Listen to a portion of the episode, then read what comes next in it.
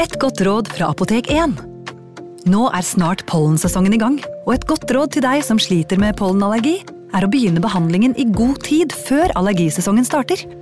Da får du nemlig enda bedre effekt av legemidlene, og så blir ikke våren din helt ødelagt. Kom innom og få råd på ditt nærmeste Apotek 1, eller chat med oss på apotek1.no. Apotek 1 vår kunnskap, din trygghet.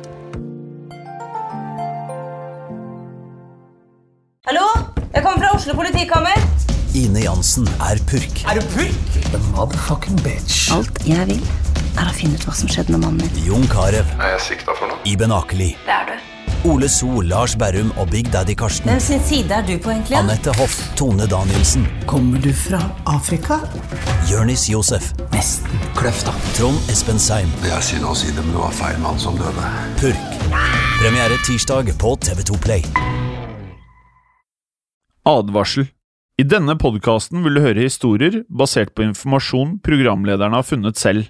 Programlederne står ikke nødvendigvis inne for meninger og syn som fremstilles. Noen påstander kan avvike fra virkeligheten.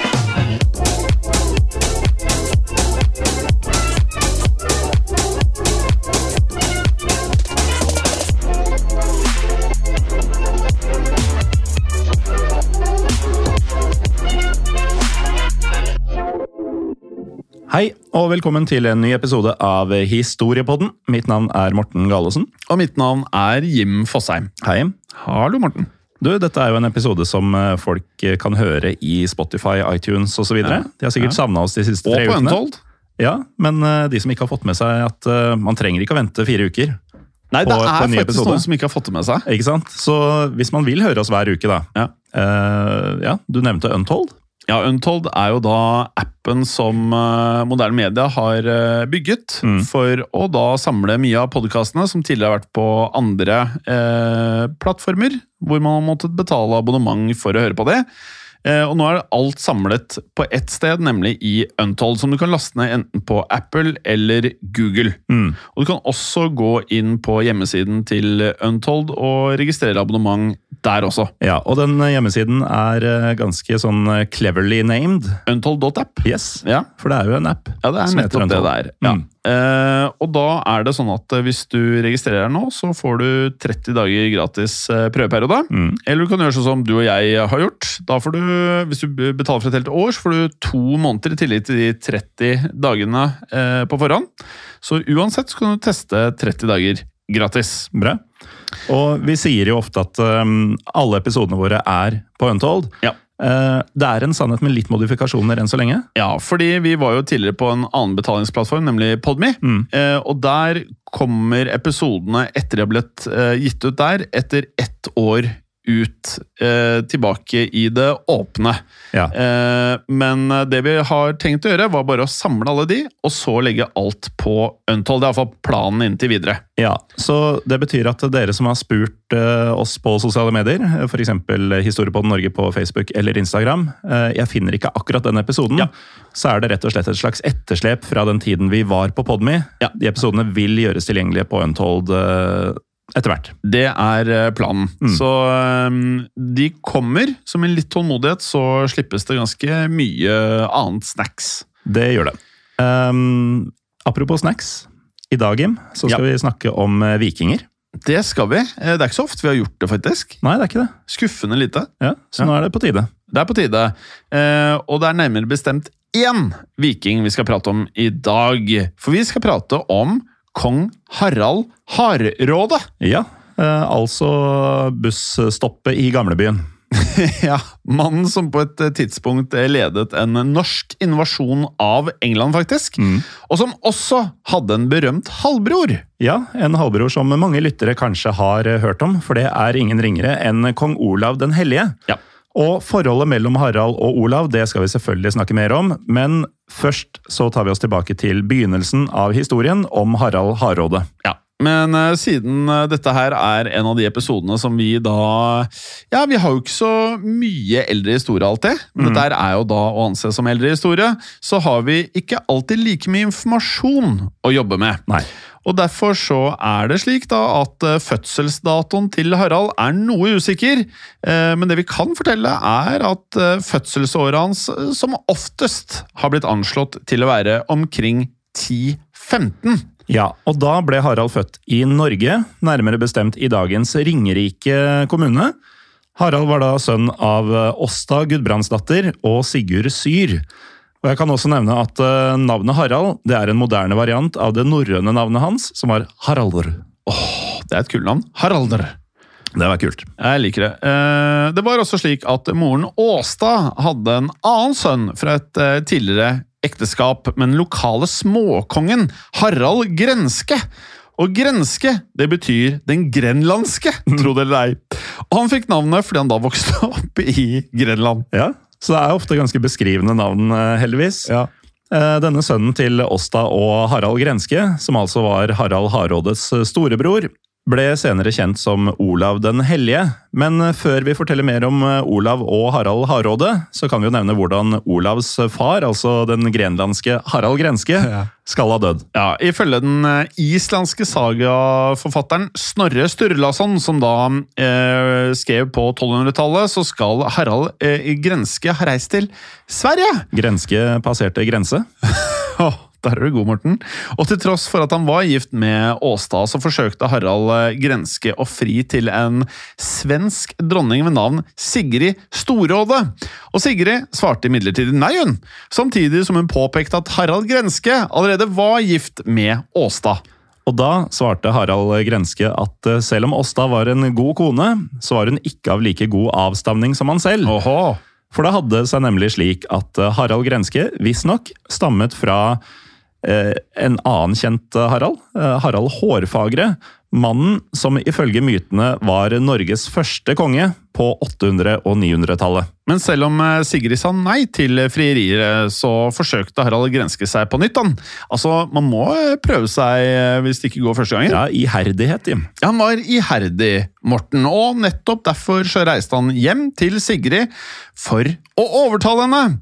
Og da dukket det også opp en uh, annen frier. Ja, og det var uh, ikke en hvem som helst, i hvert fall ikke i form av navn. Dette var da en mann som kildene våre refererer til som Visevald fra Gardariket.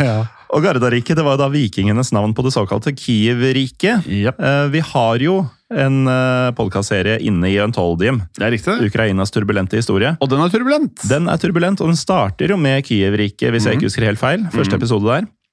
Eh, Det var jo da et rike som omfatta deler av dagens eh, Ukraina, Russland og Belarus, som vi nå skal si, ikke Hviterussland lenger. Mm.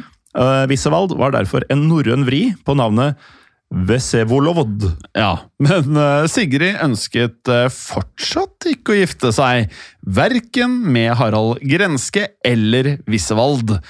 Og dette valgte hun eh, nå å sende et relativt eh, klart eh, budskap om, noe som da blitt beskrevet slik. Begge frierne og følget deres fikk plass i en storstue. De drakk tett om kvelden, og vaktene sovnet. Da lot Sigrid stuen tenne på, og alle døde! Enten i brannen eller ved at de ble drept da de forsøkte å rømme. Jeg har jo spurt deg flere ganger, Jim, om du har sett på serien Vikingane, og ditt svar er alltid 'Mener du Vikings?' Ja, det er det jeg lurer på. Ja, Nei, det er ikke Vikings, det er humorserien Vikingane som finnes på NRK. Er det humor eller sånn tull? Det er eh, Bare tull, er ikke- fjas. Nei, det er, det er kjempegøy. Ja, er det? Ja, ja. Ja, ok. Um, den finnes også i engelsk eh, versjon på Netflix. Da heter den Norsemen. Ja, Men eh, kan jeg bare spørre, han ene som er med i Vikings, er også med i tulleserien? Jeg tror flere faktisk har vært med i begge to. Ja, og det er Eh, litt, Da ble jeg forvirret. Det skjønner jeg godt. Ja. Eh, Men dette minner meg litt om, om det. Det er en karakter i Vikingene som heter Jarl Varg. Og uten at jeg skal spoile for mye, så er det en lignende type situasjon som fører til en karakterendring i historien om han. Er det sånn jeg bør se det? Du bør se det. Okay. Det, er, det er kjempegøy. Okay. Og en del sånn historisk korrekthet uh, som de har smetta inn mellom alt tullet. Ligger det på Netflix? NRK. NRK, Ja, Den engelske ligger på Netflix, men Ja. det er morsommere på norsk for oss som skjønner norsk. For det er en del som blir lost in translation når du Aha. bytter dem. Aha. Uansett, etter dette så skal Sigrid ha sagt at hun håpet eh, drapene ville føre til at eh, hun fikk færre besøk av fremmede småkonger som ville fri til henne. Hun er ikke gira på å gifte seg, altså. Veldig lite interessert, faktisk. Nei, og Med dette så måtte jo da Harald Grenskes eh, gravide enke Åstad se seg om etter en ny ektemann. Det fant hun i form av Sigurd Syr. Og Sigurd han var for øvrig også eh, en lokal småkonge, og disse var det jo mange av. Mm.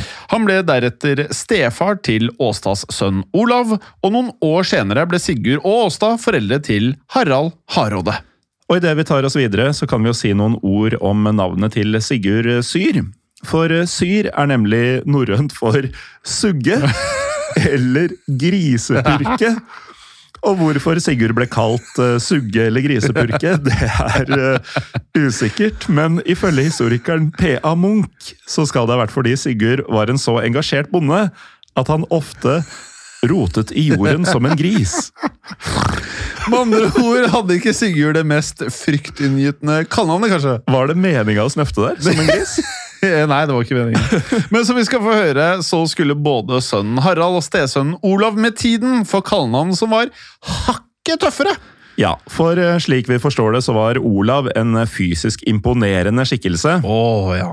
Og derfor så fikk han i ung alder kallenavnet Olav Digre. Deilig! Og det, ja, det syntes Olav selv også. Han skal ha vært meget fornøyd med det navnet. Ja, For Olav, som var ca. 20 år eldre enn halvbroren Harald, var derfor godt rustet til å dra ut på vikingtokt. Og det gjorde Olav visstnok før Harald ble født. Mm. For allerede som tolvåring skal Olav ha reist på plyndringstokt for aller første gang.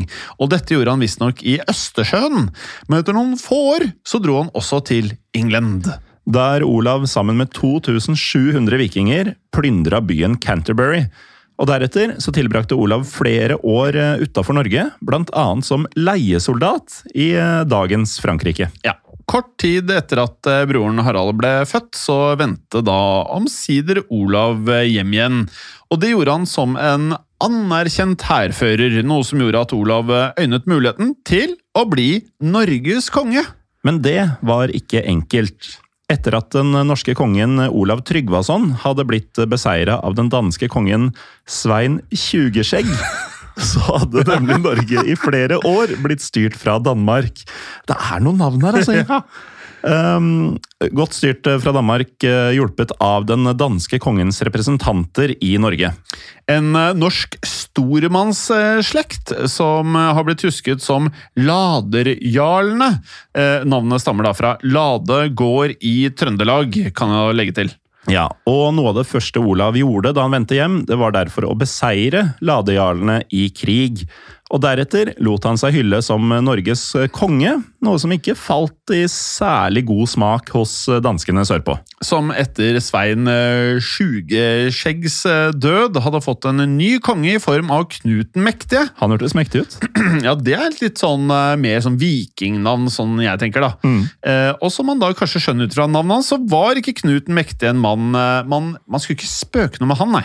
Nei, men eh, til tross for at Knut gjorde krav på Norge, så var han samtidig opptatt med å erobre England. Så samtidig som Knut var bortreist på erobringstokt, så forsøkte Olav derfor å angripe Danmark. Det gjorde Olav i år 1026, eh, eller 1026, sammen med den svenske kongen Anund Jakob. Ja, men da Knuts hær kom tilbake til Danmark, så endte det med at eh, den svensk-norske hæren måtte gjemme seg i en fjord før den så ble beseira av Knuts eh, styrker, og dermed måtte Olav flykte tilbake til Norge.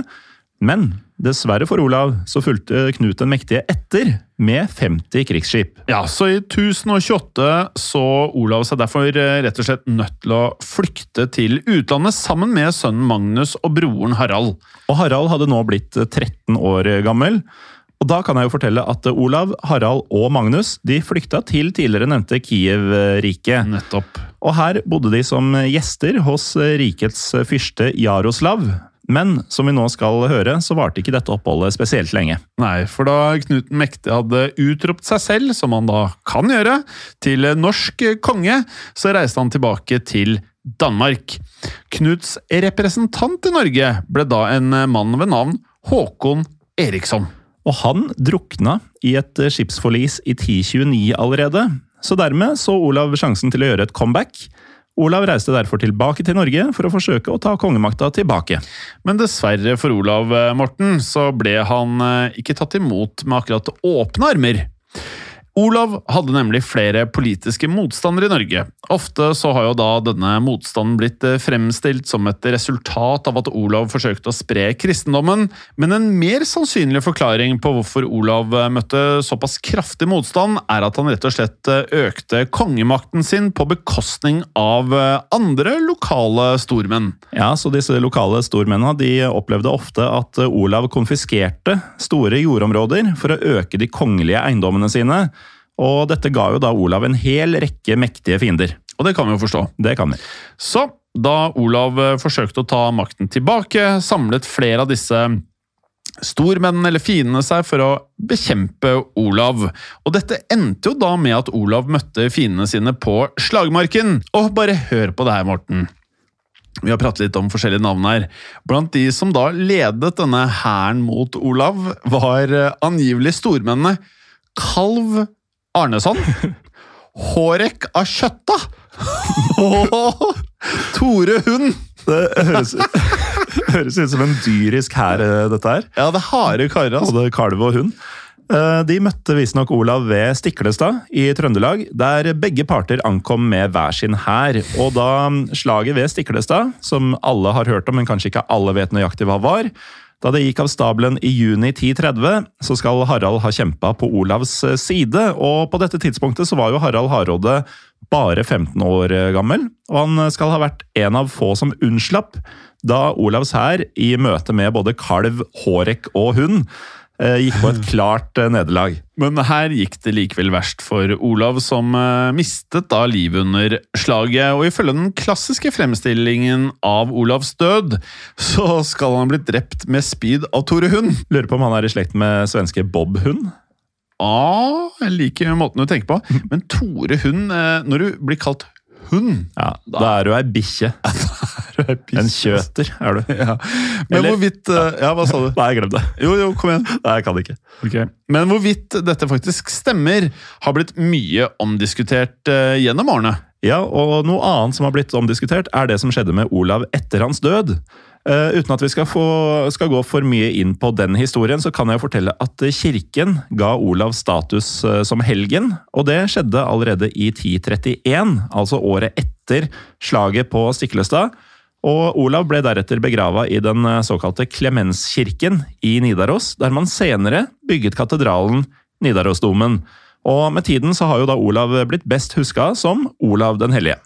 Men idet vi da vender blikket mot vår mann eh, Harald, så kan jeg fortelle at uh, han nå måtte flykte for livet, rett og slett. For da Olav ble beseiret, så reiste Harald derfor til Sverige, før han så dro tilbake til Kiev-riket. Og her bosatte Harald seg igjen som gjest hos fyrst Jaroslav. Ja, og han tok seg godt til rette, fordi slik vi forstår det, så gifta Harald seg så med Jaroslavs datter, Jelisaveta. Ja. Men etter noen år så bestemte Harald seg likevel for å reise videre, og um, i uh, enten 1034 eller 1035 så dro Harald derfor til um, et av mine favorittsteder i verden, uh, som da het Konstantinopel. Og dere lyttere tenker nå hm, hva kan det hete i dag? Og da får du noen sekunder til å tenke på det, og det bør komme akkurat nå! For i dag så heter det Istanbul. Ja, Som mange tror er hovedstaden i Tyrkia. Det er det ikke, men Nei. det var det på den tiden. Hva er hovedstaden i Tyrkia? Ankara. Ah, jeg tror alt er Istanbul, altså. Ja, ikke sant? Det er derfor jeg sier det. Ja. Men på Haralds tid så var altså Konstantinopel hovedstaden i ikke Tyrkia, for det fantes ikke på den tiden, men i Bysants, mm. som også omtales som det bysantinske riket. Ehm, og dette riket var en rest av det gamle Romerriket, som i sin tid hadde blitt delt mellom vest og øst. Og selv om det såkalte da Vest-Romerriket gikk under på 400-tallet, så besto Øst-Romerriket i form av Bysants helt frem til faktisk da 1400-tallet. Ja, og med det sagt så var det nettopp i Bysants at Harald nå viste seg fram som en formidabel kriger. For det var nemlig slik at de bysantinske keiserne hadde for skikk å verve vikinger og andre nordeuropeere inn i den personlige garden sin. Og denne elitestyrken har blitt huska som Varangergarden. Ja, men siden man da eh, snakket gresk i Bysants, så ble den omtalt som Tagmaton Varagnon. Eh, Varagnon var da bysantinernes navn på svenske vikinger som hadde kommet til Bysants ved å seile ned elver i Øst-Europa. Og Varagon kan oversettes til væring på norsk, altså væringjar på norrønt. Og Varangon, var, uh, Varangon uh, Litt sånn Lord of the Rings-navn for meg, da. Ja, veldig sånn Tolkien-aktig. Mm. Jeg kommer med en NRK-greie til, jeg nå. Å nei. Det er oh, noe, ja. som, noe som heter Team Bakstad. Ja. Hvor heter de Rune Gokstad og Øystein Bakke, altså Bakstad, sammen. De har flere sesonger med reiseprogrammer, og en av sesongene så drar de faktisk på den ruta gjennom elver i Øst-Europa. Mm. Fra ja, type Norge, Sverige, ned til Istanbul. Eh, Veldig underholdende. Mm. Eh, De gjør det riktignok i vår tid, da, ikke på 10-30-tallet. Men uansett, siden Harald gikk inn i bysantinsk tjeneste, så kan man faktisk finne navnet hans i gamle bysantinske kilder. Og disse kildene beskriver Harald som en ganske kort mann. Ja. Han eh, omtales også under navnet, og dette kan sikkert du uttale bedre enn meg, Jim, Araltes. Arates. I tillegg oppgis det at han etter hvert opparbeida seg en høy militær eh, rang, og derfor deltok Harald i en rekke felttog på vegne av den bysantinske keiseren. Som da også hersket over et område som inkluderte deler av dagens Syria, hele dagens Tyrkia, Hellas, store deler av Balkanhalvøya og også Sør-Italia. Så det er omfattende saker. Det er omfattende, og langs disse grensene så hadde keiseren naturligvis nok av fiender å kjempe imot. Og siden Varangergarden var blant keiserens beste soldater, så ble Harald sendt ut for å krige i flere av disse områdene, annet i dagens eh, Tyrkia, der bysantinerne kjempet mot eh, arabiske og tyrkiske motstandere. I tillegg så ble Harald sendt for å slåss i Bulgaria, som i lang tid hadde vært i konflikt med Bysants. Og på denne tiden så hadde da bulgarerne nylig gått på flere sviende nederlag, særlig mot den bysantiske keiseren Basileos 2., en mann som fikk kallenavnet Ho Bulgaroktonos, The Bulgar Slayer. Ja, det er tøft nok. Det er beinhardt! Men etter Basileos eh, sin død i eh, 1025 så hadde bulgarerne igjen begynt å røre på seg, for da ble det jo ikke Slade eh, lenger.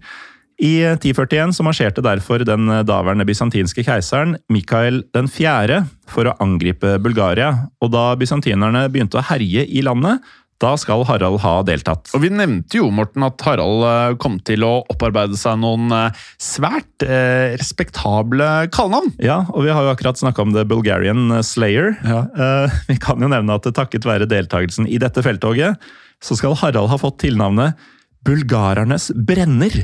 Det er hardt, ass! Det er brutalt. Det er verre å brenne enn å sleie, er det ikke? Ja, ja bulgarernes brenner. Det er hardt, ass. Det er veldig hardt. Um, men eh, som om ikke det var nok, så um, er det slik at Harald skal nemlig også ha kriget på Sicilia, der eh, by bysantinerne angrep deler av øya som var under muslimsk kontroll. Og da forteller noen av kildene våre at Harald hadde kommandoen over Varangergarden. Og selv om det er få detaljer å finne når det gjelder hvordan all denne kriginga gikk for seg, så sitter vi likevel igjen med noe informasjon. Da Harald senere ble norsk konge, så komponerte nemlig flere av skaldene hans dikt om felttogene hans for Bysants. For ordens eh, skyld, Morten, så kan jeg jo eh, nevne at eh, en skald var en form for poet, dikter og også historieforteller, så vi er jo egentlig noen skalder, på en Ja, måte. Det, på en måte. På en måte. Eh, disse skaldene jobba ofte for konger og høvdinger, og her var Harald intet unntak. En av skaldene hans, Tjodolv Arnorsson, oh. forteller da at eh, Harald deltok i 18 større slag i løpet av tjenesten i Bysants. Og i løpet av felttogene han deltok i, så skal Harald også ha vært med på å erobre hele 80 byer. Eh, Men siden dette da kom fra Haralds egen skald, som eh, antageligvis ønsket å smigre Harald, vil vi kanskje anta, så bør noen av disse tallene kanskje tas med en klype salt. Men hvis det er 80, så høres det svært heftig ut. Det er mye. Og med det sagt så kan vi jo nevne ett eksempel på hvordan Harald skal ha erobret en fiendtlig by. For ifølge den tidligere nevnte, og antagelig den mest kjente sagaforfatteren, Snorre Sturlason, så gjorde Harald eh, ved en anledning dette ved å spille død. Eh, Og det skjedde angivelig på Sicilia. Ja, Hvor Harald og soldatene hans var i ferd med å beleire en ikke navngitt by, faktisk. Men til Haralds frustrasjon så virket byen for godt forsvart til å kunne inntas. Og da beleiringa vedvarte, så ble Harald tilsynelatende syk. Etter hvert så slutta han derfor å komme ut av teltet sitt, og da det hadde gått flere dager uten at Harald hadde blitt sett, så ba soldatene hans om å forhandle med byborgerne. Som da igjen ble fortalt at Harald hadde dødd av sykdom. I tillegg så fikk borgerne høre at Harald hadde kommet med et eh, aller siste ønske. Ettersom Harald var kristen, så hadde han nemlig bedt om å bli gravlagt i byens lokale kirke. Og vi veit jo at han ikke faktisk er død. Nei, Så vi kan jo ane konturene av hva som Er det en eh, trojansk hest på gang her? Ja, kanskje, kanskje. Eh, Og siden dette da visstnok var en kristen by, så borgerne ingen grunn til å nekte Harald hans eh, siste ønske. Og det viste seg jo lite overraskende nå å være en tabbe. For da Haralds eh, kiste ble frakta gjennom den nå åpne byporten, så løp soldatene som bar kista, plutselig framover. Ja, Før de så brukte kisten til å rett og slett sperre porten åpen. Og deretter dukket en høyst levende Harald opp med resten av hæren. En hær som nå strømma inn i byen, og da utviste Harald ingen nåde idet byen ble utsatt for en brutal plyndring. Og med rikdommen som han plyndra til seg, så skulle Harald snart vende hjem til eh, Norge igjen. Mer om det etter en kort pause. Velkommen tilbake. Før pausen nevnte vi at eh, Harald snart eh, skulle vende nesen mot Norge igjen. Og da var han visstnok i besittelse av store rikdommer. For i løpet av krigstjenesten i Bysants så hadde Harald opparbeida seg omfattende verdier.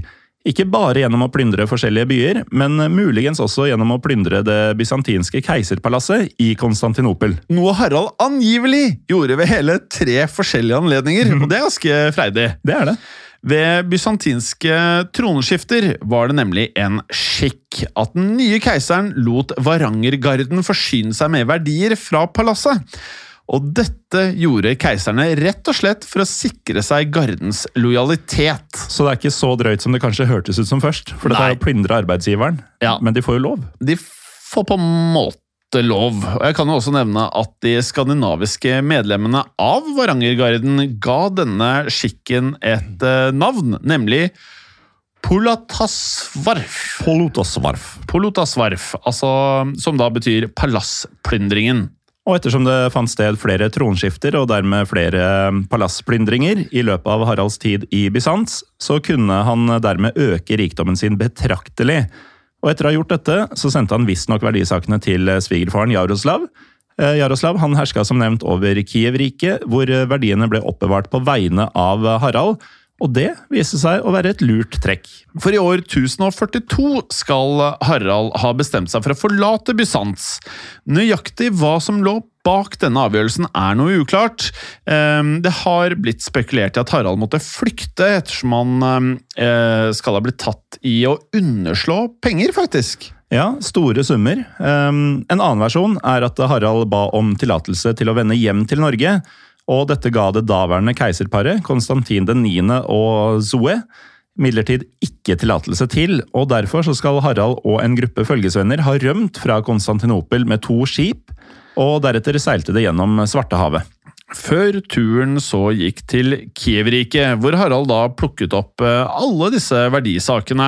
Og disse brukte han til å sikre seg en maktposisjon hjemme i Norge. Der Olav den hellige sønn Magnus nå styrte landet.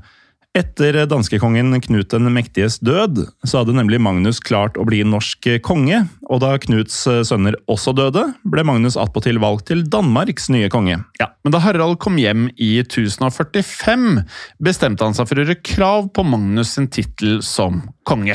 Derfor utførte Harald og mennene hans flere kystangrep mot territoriene til Magnus i Danmark. Men til tross for dette så endte det med at Harald inngikk et kompromiss med nevøen sin. For uh, vi har hatt mange navn og mange slektskap og sånn. Uh, Magnus er jo da faktisk nevøen til Harald Ja. oppi dette her. Um, på dette tidspunktet skal nemlig Magnus uh, sin statskasse ha vært uh, båndskrapt. Og siden han angivelig ankom Norge med et skip som var fullastet av gull, så innså Harald at han like godt kunne kjøpe det han ville ha fra Magnus. I bytte mot at uh, Harald da delte halve rikdommen sin med han, så gikk nemlig Magnus med på å dele tittelen som norsk konge med Harald. Og dermed så fikk Norge ikke bare én, men to konger. Og det var to konger som på ingen måte gikk godt overens med hverandre.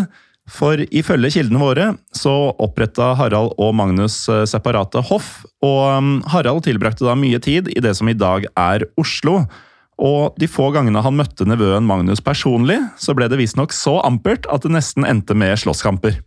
Ja, men i 1047 så døde Magnus uventet i en alder av kun 23 år. Hva dødsårsaken var, er noe uklart, eh, men årsaker som har blitt nevnt, er blant annet eh, plutselig sykdom, en drukningsulykke og også um, et fall fra et dyr, angivelig en hest. Ja, og uansett så var resultatet at Harald endte opp som Norges ubestridte hersker. Harald har derfor blitt huska som Harald den tredje. Likevel så arva Harald ikke tittelen som Danmarks konge fra Magnus, for her hadde nemlig Magnus utnevnt en annen arving som tok tittelen, nemlig Svein den andre. Ja, Noe som ikke hindret Harald fra å forsøke å erobre Danmark. Han seilte derfor av gårde med 300 vikingskip for å invadere Danmark, men dette viser seg selvfølgelig lettere sagt enn gjort. Ja, for selv om Harald vant flere slag mot uh, Sveins eh, styrker, så klarte han aldri å vinne en fullstendig avgjørende seier. Så etter flere år med det som ble sporadisk eh, krigføring, så inngikk Harald og Svein derfor et kompromiss. I ca. 1062 gikk eh, Harald dermed med på å la danskene være i fred. I bytte mot eh, dette så anerkjente Svein Harald som norsk konge. Og med det da i boks, Morten, så kunne nå Harald eh, rette blikket mot sitt eget rike. Derfor så tilbrakte han de neste årene med å konsolidere kongemakten sin i Norge. Og som en del av dette skal Harald ved flere anledninger ha anklaget bønder for å holde tilbake skatt som da Harald mente de skyldte han. Noe som gjorde at eh, Harald gikk brutalt til verks mot de av bøndene som ikke adlød han. Og For å statuere et eksempel, så sørga Harald eh, derfor for at eh, flere av disse bøndene enten ble drept eller lemlesta.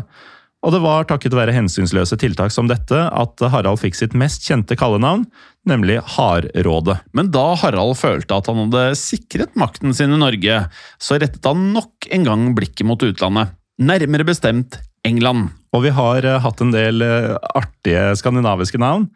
Viser seg nå utover at britene også hadde noen kule kallenavn på sine konger. Ja, om ikke lenge. For i januar 1066 så um, døde den engelske kongen Edward the Confessor. Og da hadde ikke Edward en uh, åpenbar arving. Og derfor oppsto det en situasjon der flere menn gjorde krav på den engelske tronen. Først ute var en av Englands mektigste adelsmenn, Harold Godwinson, som kort tid etter Edwards død erklærte seg selv som konge. Men det falt ikke i god smak hos den daværende hertugen av Normandie i France. Som var en mann som på dette tidspunktet var kjent som Wilhelm Bastarden. Mhm. Eller eh, William the Bastard på engelsk. Eh, for han var da rett og slett født utenom ekteskapet. Ja, Så William the Bastard han hevda nemlig at eh, Edward the Confessor hadde personlig lovet han at William skulle etterfølge Edward som Englands konge. Og derfor begynte William the Bastard Jeg klarer ikke å si William, det må være William the Bastard. merker Jeg er enig med deg. Eh, og forberede en invasjon for å ta tronen fra Harold Godwinson. Som også ble utfordret fra andre kanter, nærmere bestemt fra Norge. Mm. For på samme tid bestemte også Harald Hardråde seg for å erobre England. Og da var vi kommet til september 1066, og han seilte derfor av gårde i spissen for en norsk vikinghær, som igjen besto av 300 krigsskip. Om bord på disse skipene kan det ha vært opptil omkring 15 000 krigere. Og med disse 15 000 krigerne i ryggen, så ankom Harald det som i dag er det nordengelske fylket Yorkshire. Yorkshire. Der begynte vikingene å plyndre og herje, som de hadde gjort mange ganger tidligere i England, noe som gjorde at de lokale engelske jarlene Morcar of Northumbria Ja. og Edwin of Mercia forsøkte å møte Haralds hær i et slag. Men dette slaget, som har blitt husket som slaget ved Fullford, gikk ikke veldig bra for Morcar og Edvin. Slaget endte nemlig med at Harald vant en klar seier. Som en følge av dette så bestemte byen York seg for å rett og slett bare overgi seg til vikingene. Ja, eh, Byen som eh, da ble hetende Jorvik, ifølge vikingene. Ja, Mm. Eh, Som da gjennom overgivelsesavtalen regna med å motta en rekke engelske gisler. Derfor bestemte Harald og hæren hans seg for å slå leir ved en nærliggende bro. Og denne broa har blitt huska som Stamford Bridge. ja. Her planla Harald å vente på at de engelske gislene skulle ankomme, men dette gikk på ingen måte etter planen. Nei, for på dette tidspunktet så befant den engelske kongen seg, altså Harold Goodwinson, seg helt sør i landet. Og Der forberedte han seg på å forsvare seg mot Wilhelms eh, kommende invasjon fra Normandie. Altså William the Bastard. William the Bastard! Men da Harold fikk vite at Harald Ja, altså, nå må vi ha tunga rett i munnen. ja, Uh, hadde gått i land i Yorkshire, så marsjerte Harold i et lyntempo nordover med sin hær. Og denne hæren besto av omkring 16 000 mann. Og ettersom Harold, altså engelske Harold, uh, sin hær marsjerte både dag og natt, så dekka de distansen til Stamford Bridge på bare fire dager. Denne distansen utgjorde ca. 30 mil. Ja, og ettersom vikingene ikke forventet at den engelske hæren kunne dukke opp så raskt, så fikk Harold Goodwinson overraskelsesmomentet på sin side. For det var først da de engelske krigerne kom innenfor synsvidde, at Harald Hardråde skjønte at det rett og slett da måtte utkjempes et eh, nytt slag. Og det var nordmennene dårlig forberedt på. Ettersom de lå i leir og venta på gislene sine, så var nemlig Haralds menn ikke klar for kamp i det hele tatt. Nei. Og um, siden det visstnok var en varm høst, så hadde de latt rustningene sine ligge igjen i vikingskipene. Og disse skipene de lå ankra lengre opp langs eh, elva Derwent, som delte den norske leiren i to deler. Den ene delen lå da på østsida av elva, mens den andre naturlig nok lå på vestsida. Det virker eh, ut som eh, det er noe røft i vente for Harald her. Ja, Harold kommer til å kjøre Harald. Ja, for da Harold Goodwinsons hær dukket opp 25.9.1066, så um, gikk det ganske raskt fra de ankom til angrepet ble satt i gang på den norske styrken, som da lå i leir på vestsiden. Og her ble de mer eller mindre uforberedte nordmennene raskt beseiret og drevet over på østsiden av elven. Der den største delen av Harald Hardrådes hær befant seg. Deretter så forsøkte nordmennene å oppholde de engelske styrkene så lenge som mulig, og dette gjorde man visstnok ved å prøve å hindre Harold Godwinsons menn fra å krysse trebrua som gikk over elva. Ja, Når det gjelder dette, Morten, så trekker eh, flere av kildene frem det som antageligvis er en eh, vandrerhistorie, men eh, vi må jo ta med det også. Ja For dersom man velger å tro på denne, så skal da Harald ha sendt frem én enkelt kriger for å holde broen så lenge som overhodet mulig, og dermed kunne den norske hæren skaffe seg tid til å organisere seg. Og da skal den ikke navngitte nordmannen ha bedt Harald Hardråde om tillatelse til å dø alene på brua, og det gjorde denne krigeren visstnok utstyrt med en stor, dobbeltbladet øks. Ja, Eh, Og noe som eh, ikke gjorde han mindre skummel, var det at eh, han skal ha vært to meter høy. Litt sånn som deg, det. Ja. Men etter at han da i en hel time hadde rett og slett da drept alle som forsøkte å passere han, så fikk noen av engelskmennene til slutt has på denne nordmannen. Det skjedde visstnok da noen av Harold sine soldater snek seg under broen med en båt, og derfra klarte de så å ta livet av eh, vikingen som da holdt broen med dette spyddet. Noe som gjorde at eh, den engelske hæren da videre kunne ta seg over til østsiden av elven. Og der hadde Harald Hardrådes hær nå trukket seg tilbake, eller trukket seg opp på en bakketopp. Og der hadde de danna en såkalt skjoldmur, Ja. som var en taktikk der man stilte seg opp skulder til skulder, før man så holdt eh, skjolda sine side om side, sånn at det ble svært vanskelig å trenge gjennom formasjonen. Ja, og da Harold sine menn gikk til angrep, så ble kampene derfor, eh, etter hva vi kan forstå, særdeles eh, harde og blodige.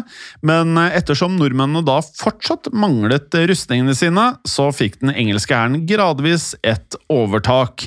Og derfor skal den norske skjoldformasjonen ha begynt å slå sprekker. Og i tråd med at dette skjedde, så gikk det virkelig skeis for Harald. Som så mistet livet i disse kampene, og det skjedde visstnok da Harald ble truffet i halsen av en pil. Dermed døde Harald Hardråde i en alder av enten 50 eller 51 år. Og med Haralds død så endte slaget ved Stamford Bridge i fullstendig nederlag for hæren hans. Eh, som nå da også gikk i oppløsning, eh, idet hæren da ble påført eh, enorme tap. Nøyaktig hvor mange nordmenn som eh, døde er litt usikkert, men man regner med at det er snakk om mellom 4500 og 8000 krigere. Ja, og Hvis det er 8000, så er det jo over halve hæren på det som ble sagt å være 15 000 mann. Men heldigvis for de overlevende så ga Harold Godwinson tillatelse til at de kunne seile hjem til Norge. Men for å få lov til dette, så måtte vikingene imidlertid sverge på at de aldri ville angripe England igjen. Ja, Men eh, det var, ikke, det var ikke helt de styrkene som ankom England som skulle dra hjem igjen. Nei. For av de opprinnelig 300 skipene som Harald hadde seilt ut med, var det angivelig kun 24 skip igjen. Og med det ble det satt punktum for vikingtiden, som ofte regnes for å ha tatt slutt takket være slaget ved Stamford Bridge. Likevel så kunne ikke Harold Godwinson sole seg lenge i glansen av denne seieren, for eh, den 14. oktober 1066, som altså bare var noen få uker seinere, så ble Harold beseira i slaget ved Hastings. For her, Morten, så måtte han eh, slåss mot selveste Wilhelm-bastarden. Altså Wilhelm the Bastard! Eh, og Harold, han mistet livet her, altså. Det gjorde han. Um, William the Bastard han lyktes dermed med å erobre England. Og takket være det så fikk eh, William endelig et sårt tiltrengt eh, nytt eh, kallenavn. Så ikke Bastarden lenger. Han gikk fra å være William, Wilhelm Bastarden til Wilhelm Erobreren. Jeg skjønner at han kan like det bedre, men det er ikke, det er ikke samme punchen. William the Conqueror, liksom. Ja. Nei, Han vil alt være bastarden for oss. Ja, han er vår, Eh, vår bastard. Ja, vår bastard. Med det sagt så kan vi da rette blikket mot Norge igjen. Her ble nemlig Harald Hardråde etterfulgt som konge av sønnene sine, Magnus og Olav. Og etter at Magnus døde, så var det Olav som ble sittende alene med kongemakta.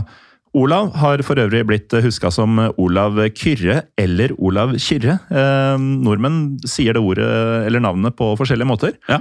Eh, hva sier du? Jeg sier Kyrre. Ja. Sier du Kyrre? Jeg sier Kyrre, tror jeg. Ja. Eh, det er ikke Ja, så ofte jeg ja. trenger å si det. Ja, nei, Men eh, ordet, uansett om du sier Kyrre eller Kyrre, betyr da den fredelige. ja. Eh, Olav fikk dette navnet fordi han inngikk eh, forlik med den danske og den engelske kongen. Og med det, Morten, så nærmer vi oss eh, slutten på dagens eh, episode. Mm. Men først så kan vi også fortelle at eh, Harald Hardrådes lik eh, omsider ble fraktet tilbake til Norge i år 1067. Og da ble han først begravet i Mariakirken i Nidaros, før han et århundre senere ble flyttet til klosteret Elgeseter. Men ettersom klosteret brant ned på 1500-tallet, så ligger det nå i ruiner under dagens gateplan. Og derfor befinner Haralds levninger seg angivelig et sted under adressen Klostergata 47 i Trondheim. Meget uh, spesifikt. Um, da var det slutt. Da var det slutt for i dag, eh, Morten. Og til alle dere kjære lyttere som er så flinke og sender oss forslag til episoder, fortsett med det. Det er utrolig viktig for oss, og vi setter også veldig pris på det, naturligvis. Eh, Dette kan dere sende til Historiebånd Norge på Instagram, som også er kontoen vår, eh, på Facebook. Altså Historiebånd Norge der også. Ja. Eller Facebook-gruppa vår, hvis du vil ha litt mer traction og diskusjon eh, fra tusenvis av andre historieinteresserte. Ja. Den heter Historie for alle, og ligger da også på Facebook. Og hvis du er en av de som skippet i starten, og du lurer på hvor alle de resterende episodene av Historiepodden ligger, så er det slik at du kan signere et abonnement på Untold. Altså du laster først ned Untold, som er en app Mm. på Google eller Apple, eller på hjemmesiden. Ja, Untold.app. Helt riktig. Og for de av dere som lurer på hvor eh, alle episodene som tidligere var på Podme er blitt av, så er de da på vei ut av Podme. Det tar altså omkring et år etter episoden er publisert der, før vi trekker den ut. Mm. De er da på vei inn i Untold. Vi skal bare samle alt, og så til slutt så er alt av historiepodden, alt av historiepodden andre verdenskrig på Untold. Ja, Så det vil si at uh, alt vi lager av Historiepodden, uh, selv om du kanskje hører denne episoden på Spotify eller eh, iTunes, så havner absolutt alt vi lager uh, framover på Untold. Ja. Og absolutt alt vi har laga tidligere, kommer etter hvert også til å være på Untold. Helt riktig. Og vi har også andre ting som eh, har havnet der. Men Vi har jo laget en ny uh, podkast, men det er jo bare på er det ti episoder? Åtte? Tallet du leter etter, er eh, seks, og podkasten heter Ukrainas turbulente historie. Ja. Hvor da en episode handler om Kiev-riket, som vi har vært innom flere ganger i dag. Helt riktig. Og vi skal jo i disse dager lage en ny podkast som havner kun i Untold. Ja, Også den på seks episoder. Ja. Eh, samlinga av Japan. Ja, veldig bra. Eh, og med det, Morten, så kan vi jo da nevne at eh, dette her, det har jo skjedd. Og det kan skje igjen. Eh, Vanskelig å se for seg, kanskje. men vi sier nå det. Ja. Ha det bra! Historiepodden ønsker å takke følgende. Dere som hjelper oss som sitter i produksjonen. Dere som hjelper oss som sitter i redaksjonen, inkludert eh, tekstforfattere. Det er helt riktig. Og dere som sitter på marked, som faktisk da gir oss muligheten til å drive med historiepodden. Og selvfølgelig alle dere som hører på. Tusen takk. Moderne media. Har du et enkeltpersonforetak eller en liten bedrift? Da er du sikkert lei av å høre meg snakke om hvor enkelt det er med kvitteringer og bilag i fiken, så vi eh, gir oss her, vi. Fordi vi liker enkelt. Fiken superenkelt regnskap. Hei, og takk for at du lytter til Historiepodden. Skulle du ønske at du kunne høre en ny episode av Historiepodden hver eneste uke? Vel, da er det én ting å gjøre. Da kan du laste ned podkastappen Untold med det samme. For i tillegg til ukentlige episoder av podkaster som Historiepodden andre verdenskrig, Henrettelsespodden og også Gangsterpodden, så får du masse annet reklamefritt og også eksklusivt innhold. Last ned Untold i AppStore eller Google Play og start din 30 dagers gratis prøveperiode allerede i dag.